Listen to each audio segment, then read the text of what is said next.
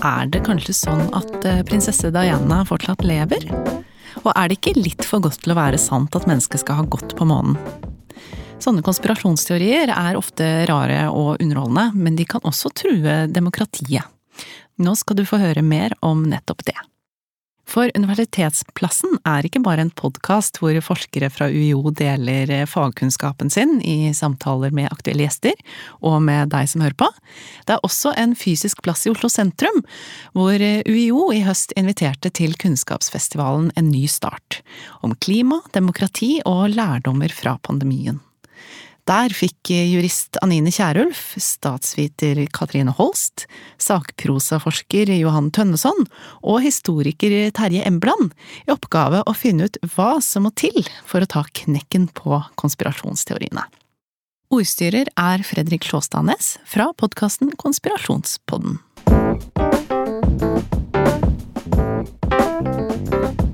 Yes, Mitt navn er Fredrik Sjåstad Næss, og sammen med den fantastiske gjengen her så skal vi ta knekken på konspirasjonsteoriene. Vi har gått knallhardt ut og lovt uh, mye.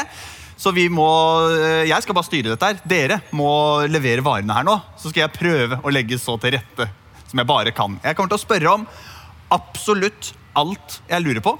For det her uh, lurer jeg litt på selv. For jeg eh, er en av to programledere i podkasten Konspirasjonspodden. En podkast som vi starta utelukkende for å underholde, men så skjønte vi etter hvert at uh, uh, shit, vi har faktisk en samfunnsrolle her. Vi har faktisk en ganske viktig stemme, for det er folk som gidder å høre på oss. Uh, derfor har vi rett og slett, vi har toppa laget.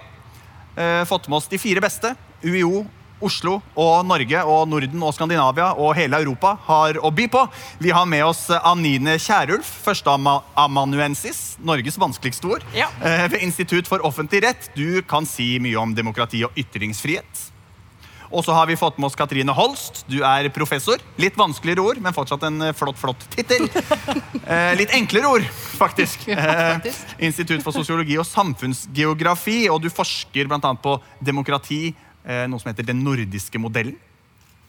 Og litt til. Ja. Og så har vi fått med oss eh, Johan Tønneson, professor i retorikk og språklig kommunikasjon. Og du må jo også få en liten applaus, for i 2021 så vant du UiOs utdanningspris. Gratulerer. Eh, og sist, men ikke minst, Terje Embeland, som er en av to forfattere av boka 'Hva er konspirasjonsteorier?' En bok jeg har hatt glede av å lese ikke én, men to ganger ganger. Så dette her blir eh, veldig, veldig spennende. Før vi tar knekken på konspirasjonsteoriene, så må vi på en måte, vi må definere begrepet konspirasjonsteorier. Eh, og da slenger jeg ballen over til deg, Terje. Hva er en konspirasjonsteori? En kort og god og grei definisjon. Ja, altså En veldig kort og grei definisjon som ikke er tilfredsstillende, det er at, eh, det er at noen i det skjulte har sammensverget seg for å oppnå sine mål. Ja. rett Og slett. Og det forekommer jo. Massevis av konspirasjoner. Og det kan også forekomme teorier om det har foregått sånne konspirasjoner. Men når vi forskere snakker om konspirasjonsteorier, så snakker vi mer om en måte å se på hele verden på, som har visse kjennetegn. Og i, På engelsk så kaller man det conspiracism, en slags sånn konspirasjonsmentalitet. Det er det vi vanligvis snakker om når vi snakker om konspirasjonsteorier i vår sammenheng. Og, og det er liksom sånn en lukk lukket En forestilling om at, at alle onde hendelser har, er det noen som har gjennomført. Altså, Man kan ikke forestille seg at noe er tilfeldig, for eksempel, men det er noen slemminger som har villet gjøre det.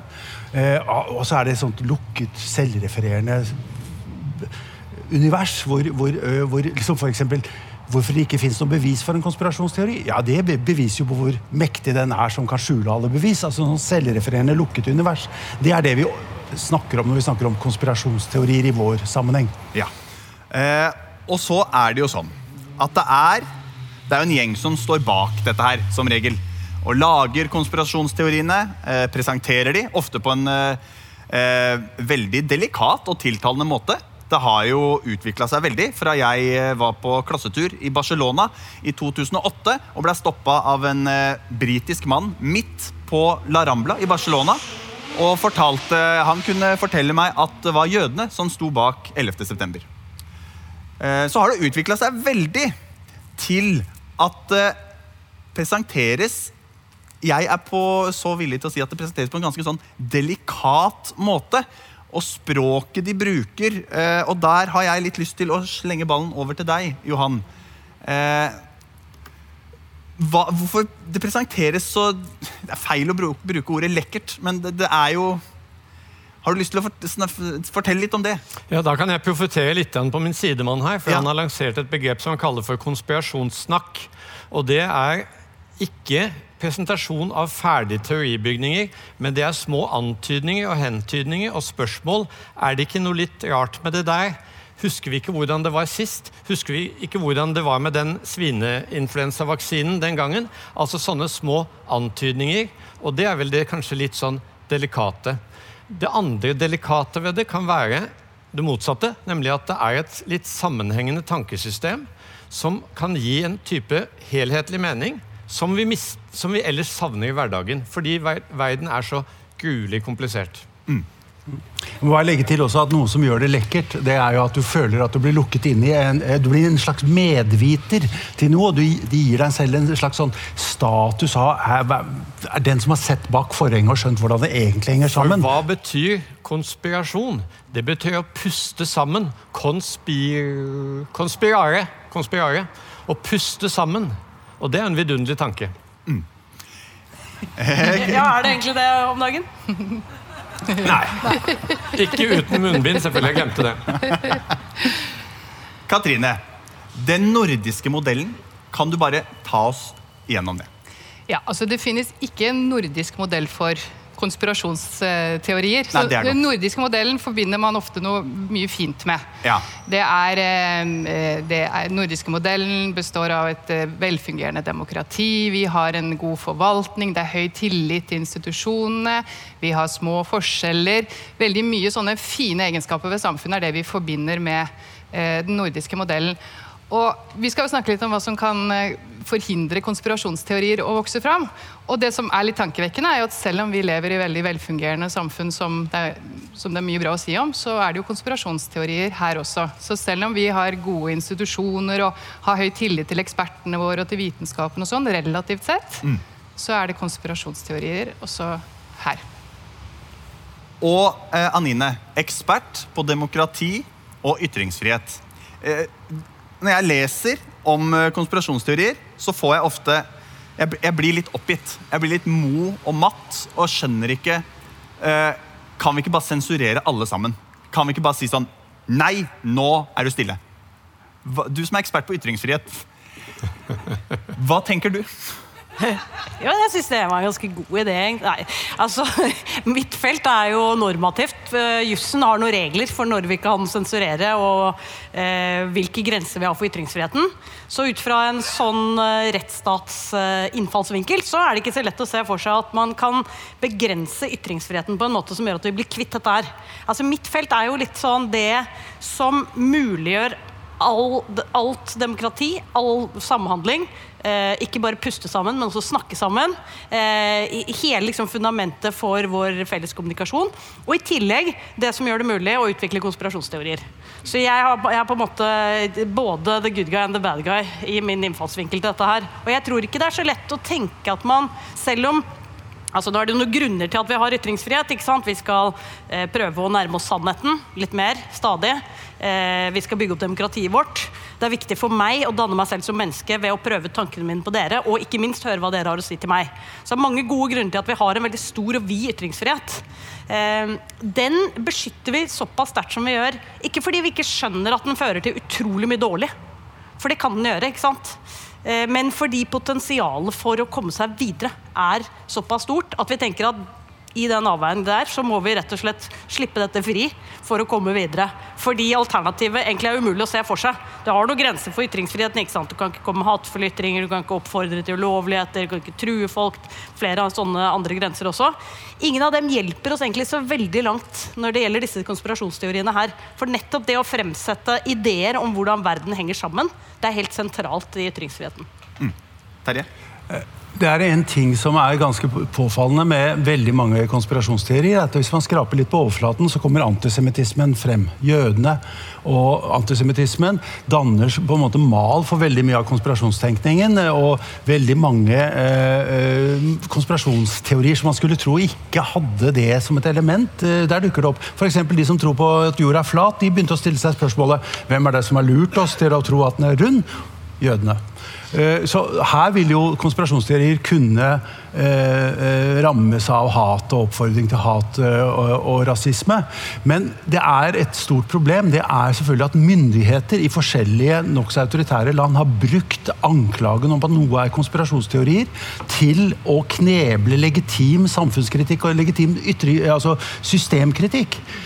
Og det, det, er veldig viktig at vi opprettholder det, den muligheten, fordi, og det kommer vi sikkert til å snakke om mer også, at, at på, på, en måte så, så, så er konspira altså, At konspirasjonsteorier eh, blomstrer, det skyldes en eller annen form for mistillit som må også kunne få lov til å komme til uttrykk, selv om den da får en feil kanal gjennom konspirasjonstenkningen. Katrine? Jeg syns det er interessant det du, du sier om at uh, det å tro på konspirasjonsteorier kan være den andre siden av undertrykking. At man er i, et system hvor man ikke har tillit til myndighetene, hvor de undertrykker systemkritikk osv. Det er derfor det er tankevekkende, syns jeg, da, at det også er konspirasjonsteorier i regimer som våre. Og det, jo, og, og det, det tror jeg betyr en, en, konklusjon man kan trekke av det, er jo at det er jo ikke så lett å Nei. få bukt for konspirasjonsteorier. Og det andre er jo at det, man kan også tenke seg i våre samfunn så finnes det jo da antageligvis også typer av sosialt utenforskap. Og, eh, og, og, en opplevd begrensning på å, på å, bedrive systemkritikk, kanskje. Og også typer av mistillit mot etablerte institusjoner som gjør at dette får grobunn også her. For siden det er jo ikke bare i, de, i regimer hvor man mer kan skjønne at sånne ting vil, kan florere. Da tror jeg det var Anine først, faktisk. Bare følge opp på, på det Terje sa, for det er jo veldig viktig. Det er, det, er, absolutt eh, ytringer i konspirasjonsteorier som kan rammes av straffeloven. Eh, om det er eh, hatefulle ytringer mot minoriteter, eh, og da i dette tilfellet jøder, eh, eller om det er trusler eller oppfordring til vold eller andre ting. Det som er Problemet er at du kommer ikke så veldig langt med de forbudene. For du kan slå ned på enkeltytringer, men grunnen til at konspirasjonsteoriene er der, det er jo ikke bare de enkle ytringene. Det er jo egentlig veldig mange menneskelige faktorer som er sånn samhør, sam, tilhørighetsfølelse, inngrupper, utgrupper, eh, confirmation bias Masse sånne svakheter som gjør at man på en måte beveger seg inn i, inn i disse rommene. da. En eller annen følelse av avmakt. ikke sant? Altså, dette er jo ikke mitt felt, men men eh, man kan jo se ut fra de forbudene som fins, og ut fra de dommene som av og til avsies på ytringsområdet, så kan du se at de hjelper ingenting eh, eh, mot denne type eh, konspirasjonsteorier. Eh, og det er jo også sånn at man ser en ganske betydelig økning, altså noe av det som plager offentligheten mye om dagen, i tillegg til konspirasjonsteorier, fake news og sånn, det er jo en økende grad av netthets, hatefulle ytringer sprer som seg på måter vi ikke lenger eh, har oversikt over fordi det er algoritmestyrt og følelsesbasert og sånn. Eh, det er jo bare for fullstendig oppadgående, selv om den hatytringsbestemmelsen har blitt strammet inn en rekke ganger siden den kom. sånn at eh, Nå skal ikke jeg være jurist og stå på dette fakultetet her og si at lover og sånn ikke har noen betydning, men vi skal ikke ha altfor stor tiltro til hva vi kan gjøre bare med dem. Så det du egentlig sier, er at det hadde fungert å bare sensurere dem med en gang? Ja, som jeg foreslo i stad? Jeg, jeg, tror i grunnen eh, Jeg tror for så vidt det ville vært konspirasjonsteorier, og det tror jeg det er i autoritære regimer, men det er klart at du, du både viser du handlekraft, og du blir kvitt en del i starten ved å ja. sensurere og ta livet av alle folk som sier ting du mener er tull. Veldig praktisk, ja. da, men uh, ikke så veldig er ikke så riktig ikke, å gjøre. Jeg, jeg passer ikke helt i den nordiske modellen til Katrine. Nei, det er en annen modell. Ja. Uh, Terje? Uh, jeg tror vi må også ha klart for oss hva som motiverer konspirasjonstenkning. Altså, Er det de enkelte konspirasjonsteorienes troverdighet som, som, gjør at folk begynner å tro på dem? Nei. All forskning viser at det ikke er tilfellet. Jeg gir et eksempel. En, en engelsk sosialpsykolog som heter Karen Douglas gjorde en undersøkelse blant folk som, i England som også viser at de som trodde at eh, det engelske kongehuset sto bak mordet på lady Diana, de trodde også at hun fortsatt levde. Ja. ja. Og hvordan kan det ha seg? Da er de helt idioter? Nei. Det er det at en hvilken som helst teori som ikke er den offisielle, er mer troverdig. Altså, Ergo så er det mistillit som er drivkraften i konspirasjonsteorier. Og den mistilliten kan ha en reell årsak som vi må ta tak i. Det kan handle om demokratisk underskudd, en følelse av utenforskap osv. Så, videre. så det må vi. Men på den annen side så er dette med konspirasjons... Altså, skal vi la, slippe løs konspirasjonssnakket, liksom? Det vi også vet, er at konspirasjonssnakk, hvor man deler sånne, sånne, påstander, eh, det er veldig fort radikaliserende. Det begynner forsiktig sånn Ja, vi vet hvem som står bak at det ikke er lov å, å servere skinke på barnehagen vår. Ja, det er de, eller sånn. Og så i løpet av et par replikker så er det sånn Ja, nå kommer borgerkrigen, og nå er det på tide å ta frem hagla. Sånn at det er veldig radikaliserende, eh, dette også, som er selvfølgelig et stort samfunnsproblem. Du nevnte utenforskap. Og Da skal jeg bare gi to stikkord for noe som jeg er veldig engasjert i for tiden. Og Det ene stikkordet er Nav, og det andre stikkordet er barnevernet. Og mange eh, innbyggere i Norge har med god grunn en mistillit til Nav, altså velferds, arbeids- og velferdsetaten, som gjør sitt helt aller beste, men de opplever måten de blir skrevet til, med ekstreme eksempler som vi kanskje husker fra Grillen i Østfold. Eh, måten de blir skrevet til, kommunisert med, som umyndiggjørende, og som gir grunnlag for mistillit. Eh, barnevernet, med alt godt vi mener om dem også, så eh, finnes det nok av eksempler på eh, hva skal si, kommunikasjon mellom myndighet og borgere der som bare bryter sammen og ikke fungerer, og hvor det ikke bare er borgernes skyld. Eh, så dette griper tilbake til det som Katrine snakket om, med den nordiske modellen og det hele. At det å bygge tillit fra grunnen av, det er ikke en måte å knekke konspirasjonsteori på, men det er en måte å forebygge på. Og det tror jeg kanskje er litt mitt viktigste eksempel. Og det der som jeg nå får prisen for, da, det gjelder klart språk, ja. som ikke er et spørsmål om å sette komma på riktig sted, iallfall ikke først og fremst, men det er et spørsmål om en symmetri likeverdighet mellom myndigheter og borgere i deres kommunikasjon. Og når den er der, så får man tillit, og da får man mye mindre hatkommunikasjon. Eh, og konspirasjonsteori er min vakre tanke. Mm. Du nevner eh, forebygging, Johan. Eh, og et grep som jeg ser på som har blitt gjort da, i forbindelse med forebygging, det er å få kritisk tenkning inn i den nye læreplanen. Eh, jeg har jo eh, jobba fem år som lærer. Fikk eh, den nye læreplanen i fjor. Og så står det Men for, for meg så eh, det var litt lite konkret, da. Det var litt sånn eh, Vi fikk det overlevert av rektor. Så, sa, var det litt sånn, så satt vi der sånn Ja, vær så god, tenk kritisk. Hvordan kan man, hvordan kan man få konkretisert det?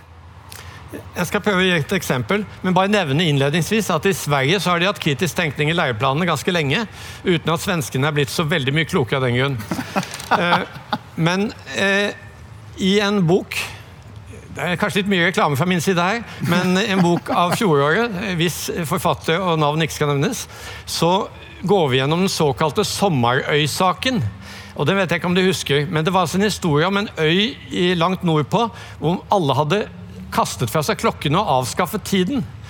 Og dette var en vidunderlig historie som gikk verden rundt. Associated Press osv. Ble enormt populær. Og journalistene de gikk på den som bare det, selv om de har gått journalisthøgskolen og lært seg at de skal ha flerkildekritikk og sånt noe.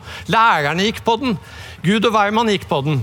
En stor skandale. Og så måtte Torbjørn Røe Isaksen, som hadde startet hele greia, iallfall formelt sett, det var en underliggende etat som hadde startet hele bløffen, eh, Visit Norway, eh, de måtte jo trekke dette tilbake. Og så ble det veldig flaut, det hele. Men nå kommer det konkrete om skolen. For denne teksten la vi fram for noen skoleelever og samtalte med dem.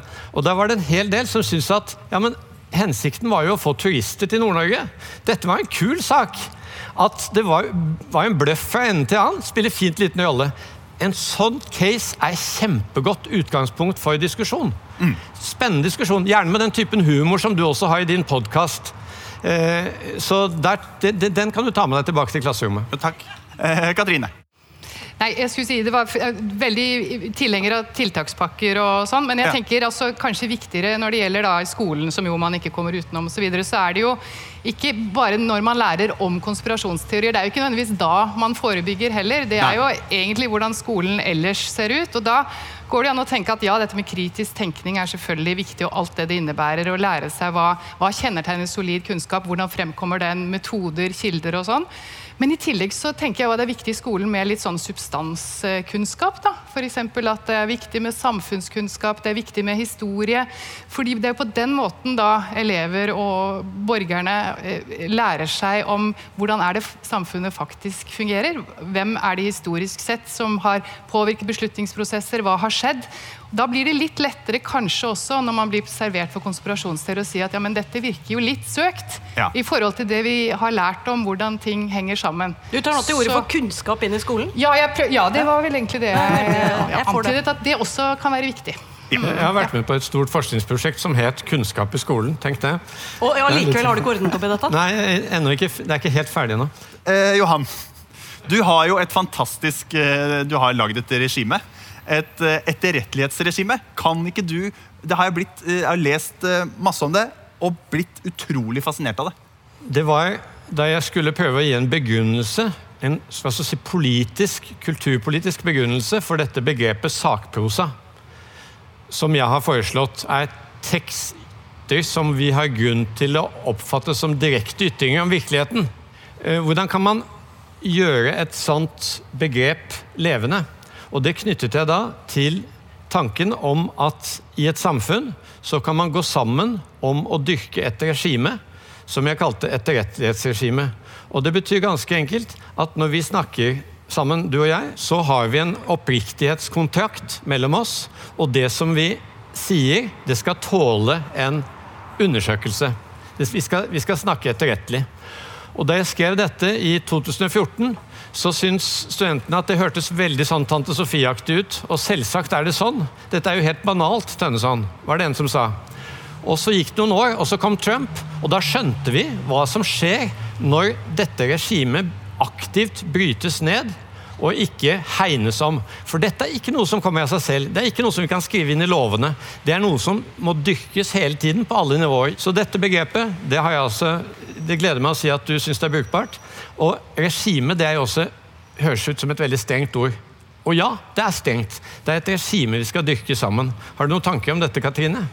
Jeg, jeg følte vi var på linje her, rett og slett. Det du sa nå, var, det, det var en fin måte også så det, det var litt det jeg prøvde å få fram når det gjelder med, skolen. da. Gjerne kalle det at, eh, at man bygger et etterrettelighetsregime også, også i skolen, men at det da også må dreie seg om innholdet i fagene. Jeg tror det er viktig at elevene lærer seg ting om samfunn og historie, og sånn, og ikke bare kildekritikk og, og få beskjed om at nå skal dere tenke kritisk. For ut fra hva?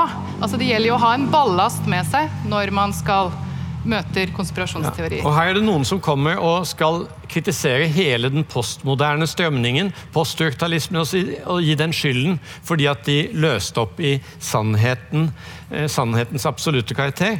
Og der syns jeg ofte at kritikerne går, kan gå litt langt. fordi at man det var faktisk ganske mye fint som kom ut av postmodernisten men i å snu opp ned på saker og ting. Men det ligger en grunnleggende strømning der som jeg tror har vært farlig, og som jeg tror beredet grunnen for Trump. Nemlig at man ikke har noe felles sannhetskriterier. At man ikke har noen felles oppriktighetskontrakt. For hva gjør det med tilliten til eh, de du egentlig skal stole på, når de ikke opptrer etterrettelig? Og i USA, et land som der tillit til myndighetene ikke er på eh, den nordiske modellen sitt nivå, da, kulminerer det da i eh, storming av Kongressen? Ja, For de aller yngste så er Esops fabel om han som lurte landsbyen med ulven, den er gyldig fremdeles. At når du gjentar en løgn et par ganger, så løses hele sannhetskontrakten opp. Og da får du et altså, si, kulturelt sammenbrudd. Mm. Eh, og dette benyttes jo helt systematisk. F.eks. at Trump altså Det man gjør, er å legge en slags eh, eh, Autoritære regimer kan bruke det man, eh, konspirasjonsteorier til å eh, legge det som man kaller informasjonståke. Altså Man sprer en masse forskjellige alternative konspirasjonsteorier om en hendelse for å nærmest matte ut befolkningen i deres jakt på å finne ut av hva som faktisk er tilfellet. Eh, det samme skjer i Tyrkia, det samme skjer mange steder. Altså, man bruker systematisk, uten egentlig å tro på konspirasjonsteorier, så bruker man dem for å spre informasjonståke for å opprettholde sitt, sitt eh, regime. Eh, og, og, og det, det, er, det, er, en måte å liksom oppløse alle kriterier for sannhet og, og, og, og så videre. At man lanserer 100 forskjellige alternative konspirasjonsteorier. Vi har jo lovt at vi skal ta knekken på konspirasjonsteoriene. Det var du som lovet det, da. Det er, eh, det er ikke jeg som står bak den overskrifta okay. der. Ikke meg. Jeg fraskriver meg alt ansvar. Vil det, Er det mulig å ta knekken på det? Er, er det eller vil det alltid være, ligge der som et sånn lite sånn ulmende bål som blusser opp med jevne mellomrom, Terje? Eh, konspirasjonsteorier I noen perioder så befinner de seg i en slags subkultur, og så på en måte eksploderer det, sånn som vi har sett i USA nå. Altså, vi ville jo ikke trodd dette for ti år siden, at, at Kongressen skal stormes av folk som tror at, at uh, demokratene og myndighetene ofrer småbarn, småbarn i underjordiske militæranlegg. Uh, men plutselig så dukker disse opp igjen. Men er det mer konspirasjonsteorier i dag enn det var f.eks. under McCarthy-tidens USA eller, eller Hitler-Tyskland? Nei, åpenbart ikke. Altså, vi vet ikke om det er en slags konstans som bare dukker opp og manifiserer seg og blir brukt politisk i visse situasjoner eller ikke. Det er veldig vanskelig å måle. Men jeg, det jeg er temmelig sikker på, er at svaret er vi blir aldri helt kvitt dette. fordi tendensen til konspirasjonstenkning er så allmennmenneskelig. Vi har alle søker etter liksom hva som er truende rundt oss, og prøver å lage strukturer og sammenhenger mellom ting som vi kan oppleve som truende. Vi, altså dette, altså, I denne boken Hva er konspirasjonsteorier? så har vi forsøkt å vise at folk som tror på konspirasjonsteorier, er ikke gale mennesker. Altså, Vi alle har de tendensene, og så bare går det litt ekstra gærent ved at man overdreven, overdreven mistenksomhet, overdreven tendens til med motivert tenkning, overdreven tendens til magisk tenkning osv., som vi alle bærer på. Eh, så vi må på en måte normalisere eh, årsakene til konspirasjonstenkning også. Ja. Eh, og fordi det er så grunnleggende menneskelig, så blir vi aldri helt kvitt det, tror jeg.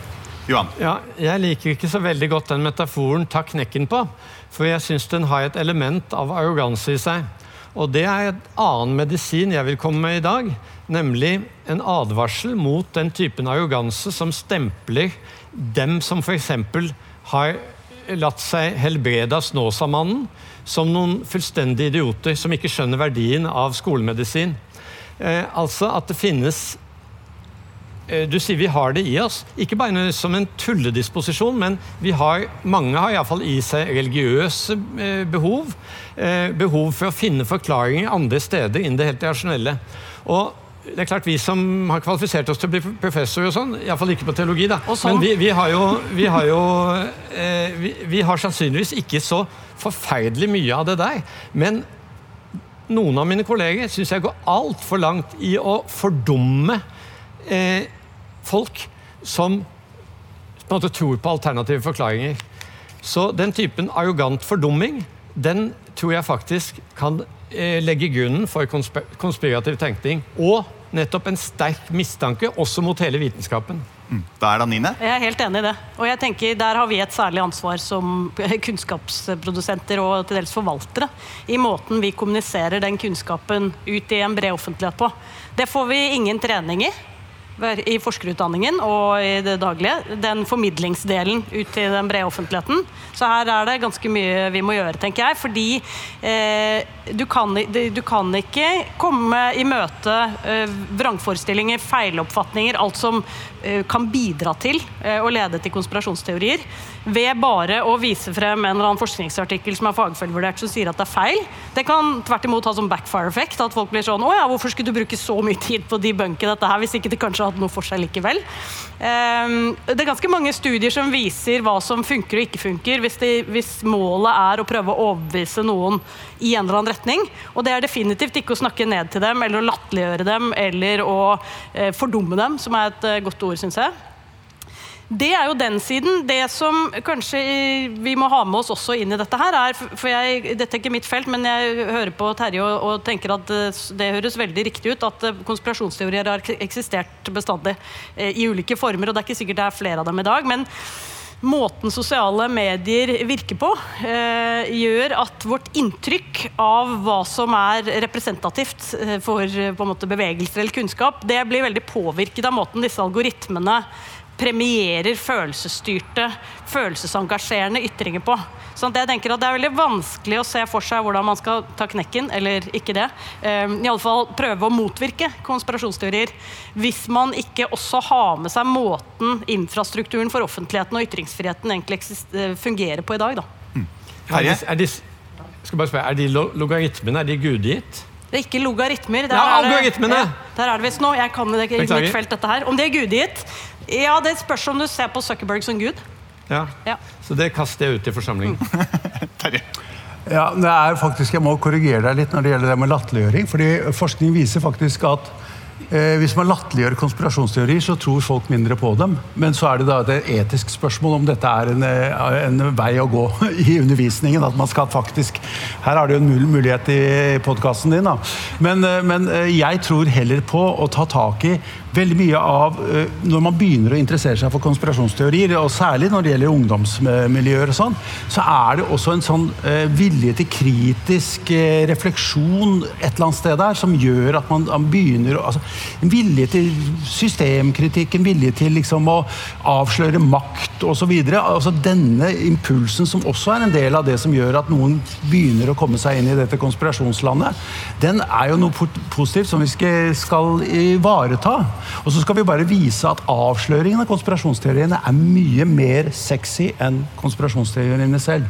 Altså at den, den, kritiske avsløring er faktisk mer spennende enn, enn å tro på, på, disse teoriene. Og at, at, man er faktisk da mer skal vi si, systemkritisk og maktkritisk ved å avsløre eh, hva som er gærent med konspirasjonsteoriene, enn å forfekte dem. Og det lurer jeg nesten på. Vi kunne stått her kunne stått her til i morgen tidlig. altså Det er mat her, det er drikke her, det er alt. Det er varmt i været òg. Men eh, jeg må sitere BlimE-dansen eh, fra to eller tre år siden. Klokken tikker, tiden går. Eh, vi har ikke så mye mer tid igjen, men vi tar jo med oss fra i dag må vi ta med oss, vi må forebygge. Vi må få opp tilliten. Selv om den er ganske høy her i Norge, men kan, tilliten kan aldri bli høy for høy. Oh, jo, eh, jo, det kan faktisk bli. Det er en balansegang der, men det må bli høyere, men ikke veldig mye høyere. Eh, så blir vi, vi, vi, kan ikke ta knekken på konspirasjonsteoriene. Vi blir aldri kvitt det. De er der. Og så er det jo sånn som jeg pleier å si, folkens, det er jo bare å bruke huet, så ordner det seg. Uh, og helt avslutningsvis, dere skal svare ja eller nei med tanke på den oppvoksende generasjon. Jeg ser på mine foreldre, der, løp, der er løpet kjørt. De deler ukritisk. Uh, er det håp for den oppvoksende generasjon med tanke på konspirasjonsteoriene? Ja. Ja. Ja. ja. Ja, men da er det håp. Eh, jorda brenner, men det er håp på konspirasjonsfronten. Det var det vi hadde her i dag. Jeg har så lyst til å si tilbake til studio, men det er ikke noe studio her. Men her kommer studio. Ta vel imot studio.